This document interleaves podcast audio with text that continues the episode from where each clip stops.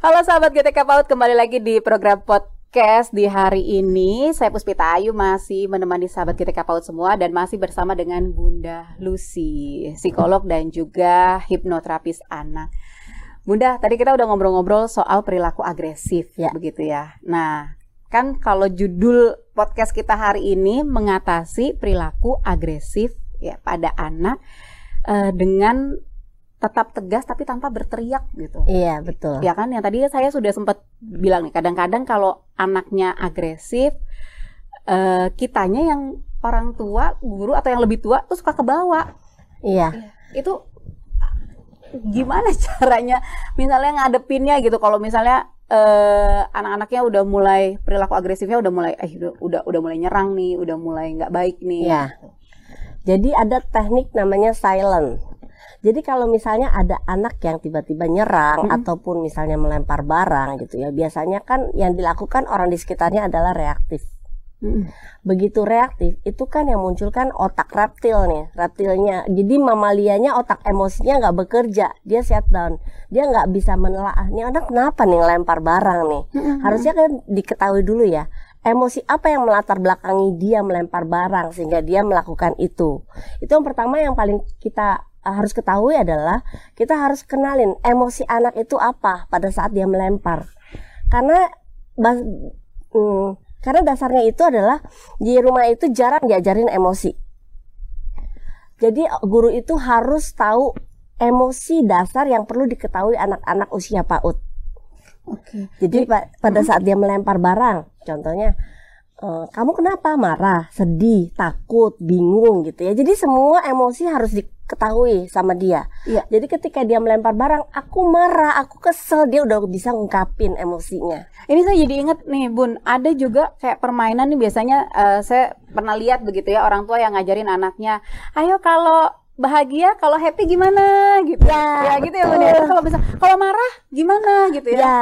Itu itu bisa jadi salah satu ini juga betul. Bun. Ya. jadi itu tindakan non verbal kita hmm, itu penting banget gitu ya. Bahkan tanpa kata-kata. Hmm, hmm, hmm, hmm. ya ada satu anak autis saya cuma bilang Arsen malah malah dia cuma bilang begitu bunda Lucy malah gitu oh, jadi dia udah bisa menerjemahkan karena hmm. saya sudah ngajarin bagaimana takut hmm, bagaimana uh, heran gitu ya bagaimana senang jadi ketika saya bilang Arsen ini sih marah gitu jadi dia uh, gestur itu harus benar-benar uh, dimunculin sehingga anak tahu oh ini marah gitu ya okay. masalahnya adalah gestur yang dipakai orang tua itu enggak kongruen sama gue gestur yang dipakai gurunya atau guru ya iya, iya, iya, iya, iya jadi iya. misalnya uh, no no kan kalau guru eh kalau orang tua biasanya gitu, gitu ya? no no iya, gitu iya, ya. iya, iya, iya. terus anak langsung kayak takut gitu kan. Hmm. kalau guru bilang no no terus anak bercanda malah nggak menghormati gitu kan. Apaan sih bu? Diambil ambil jarinya iya, gitu iya, kan gitu. jadi emang harus uh, tindakan tegas ini benar-benar kita harus uh, lakukan supaya si anak ini ngerti oh ini tuh sebenarnya ibu guru nggak marah gitu ya. Mm-hmm. Kalau saya biasa sama anak-anak sama anak uh, terapi saya, saya lakukan yang namanya one two three magic. One two three magic. magic. Jadi saya ajarin juga ke anak-anak hmm. kecil gitu ya. Hmm. Kalau satu itu biasanya lampu merah, dua itu lampu kuning, tiga itu lampu hijau. Hmm. Atau kalau enggak dibalik gitu ya. Hmm. Tapi yang biasa saya lakukan gitu, merah, kuning, hmm, hijau. hijau. Itu untuk apa, Bun? Maksudnya untuk stop jalan terus apa gimana? Dan ini saya terapin hmm. sama anak-anak SMA juga works oh, loh. Gitu ya? Iya, jadi iya. misalnya kalau udah begini, itu berarti kan anak-anak udah warning nih udah warning wah ini kayaknya udah mau kuning nih gitu kan hmm. jadi kalau udah begini berarti kan udah kuning ini siap-siap nih kayaknya ah, udah ada mau ada peringatan gitu kan begitu begini anak-anak langsung diam jadi benar-benar ada ada ada strateginya untuk ngatur supaya anak tuh benar-benar mau diam Oh, itu berarti uh, one two three-nya itu berlaku untuk kita menggambarkan uh, apa namanya uh, yang dari kita gitu bun. Misalnya respon dari kitanya ya, gitu ya bun ya? Ya jadi ada aturan yang memang uh, disepakati di dalam kelas. Mm -hmm. ketika seperti ini berarti dia harus diam gitu. Jadi kalau misalnya saya kasih contoh ya anak saya ayo ini udah jam 5 gitu kan mm. sebentar mah langsung oke okay. soalnya kalau udah habis begini biasanya uh, uh, gitu. tapi juga harus pakai kasih ya maksudnya Oh, iya, iya. cintanya harus keluar jangan gitu Yang ya banget gitu kan kayak menerkam gitu kan anak jadi trauma gitu jadi benar-benar harus yang tegasnya mata itu sorotan mata harus benar-benar benar-benar dimainin terus muka semua harus dimainin gitu. Nah, Bun, kan kalau misalnya orang tua kan pasti lebih kenal, misalnya mengenal begitu ya eh, perilaku anak-anaknya, terus punya waktu yang mungkin lebih banyak daripada guru-guru yang eh, ketemunya hanya beberapa jam gitu. Nah, ini juga tantangannya kalau untuk guru-gurunya itu apa aja sih, Bun, biasanya? membentuk perilaku yang sudah dibentuk dari rumah Jadi di rumah itu udah kebiasaan agresif, terus orang tuanya juga permisif mungkin, atau dia termasuk over parenting gitu kan. Jadi anaknya takut mau ngelakuin apa-apa. Itu bisa muncul di luar loh. Jadi ada yang anak agresif banget gitu sampai melukai orang lain, tapi di rumah nggak berani ngapa-ngapain. Di rumah diem, jadi makanya orang Diam, tuanya iya. nggak menyangka bahwa anaknya seperti itu di Betul. luar begitu ya. Makanya dia sering komentar di rumah nggak apa-apa baik-baik aja. Terus saya cuma bilang ya iyalah baik-baik aja. Dia takut sama ibu.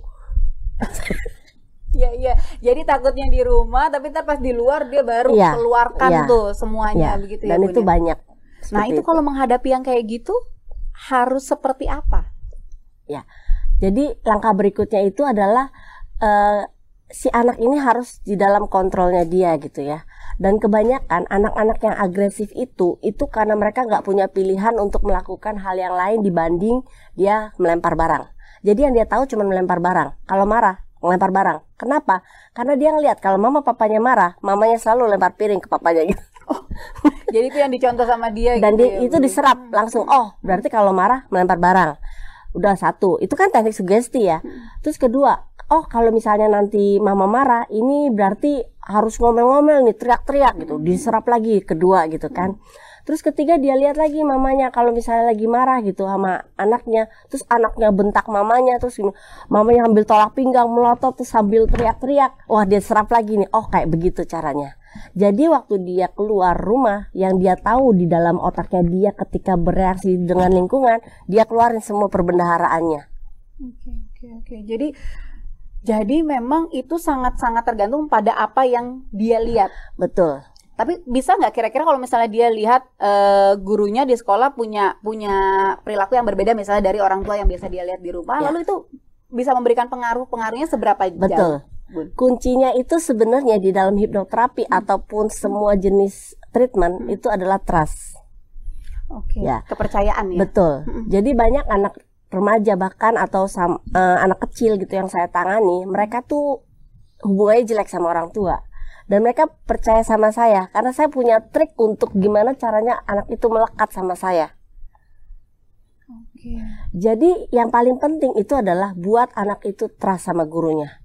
Kalau gurunya aja nggak atraktif gitu kan sama diem-dieman terus kayak nggak ada energi playfulnya nggak ada gitu ya sama aja sukanya cuek-cuekin gue gitu kan. Jadi mereka punya pikir eh, apa yang diterapin di sekolah kan mereka berharap bisa bermain bisa berinteraksi mendapatkan sesuatu pengalaman yang berbeda mungkin daripada yang dia dapatkan di rumah tapi ternyata nggak didapatkan juga gitu. Nah, ini ini saya jadi langsung langsung kepikirannya begini bun. Kan kadang-kadang tuh ada mungkin sebagian anak yang kalau waktu sekolah dia semangat, oh berangkat sekolah semangat apa mungkin pada saat nanti di sekolah ada pelajaran apa dia juga bisa mengikuti dengan semangat. Oh waktunya main dia main dia semangat gitu.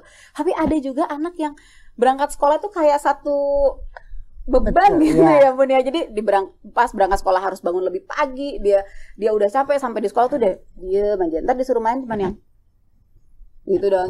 Nah, Iya betul. Iya kan? Iya iya nah, iya. nah, tapi kalau misalnya anak-anak yang seperti ini, gimana bun cara menghadapinya supaya nanti dia akhirnya mau mau bergabung, Iya. mau menerima itu, terus kemudian juga jadi lebih le- ya lebih trust Iya. lah misalnya sama lingkungan yang di Betul. sekolahnya itu. Ini kayak konsep taman bermain ya. Mm-mm. Jadi ini kan karena PAUD ya. Jadi kita kasih contohnya yang PAUD ya. Taman bermain kan lagunya tempat taman yang paling indah hanya taman kami, taman yang paling indah taman kanak-kanak. Terus bilangnya apa? Tempat bermain, berteman banyak. Berarti kan di sekolah itu adalah tempat bermain dan punya teman, betul Iya, nggak? Iya, iya.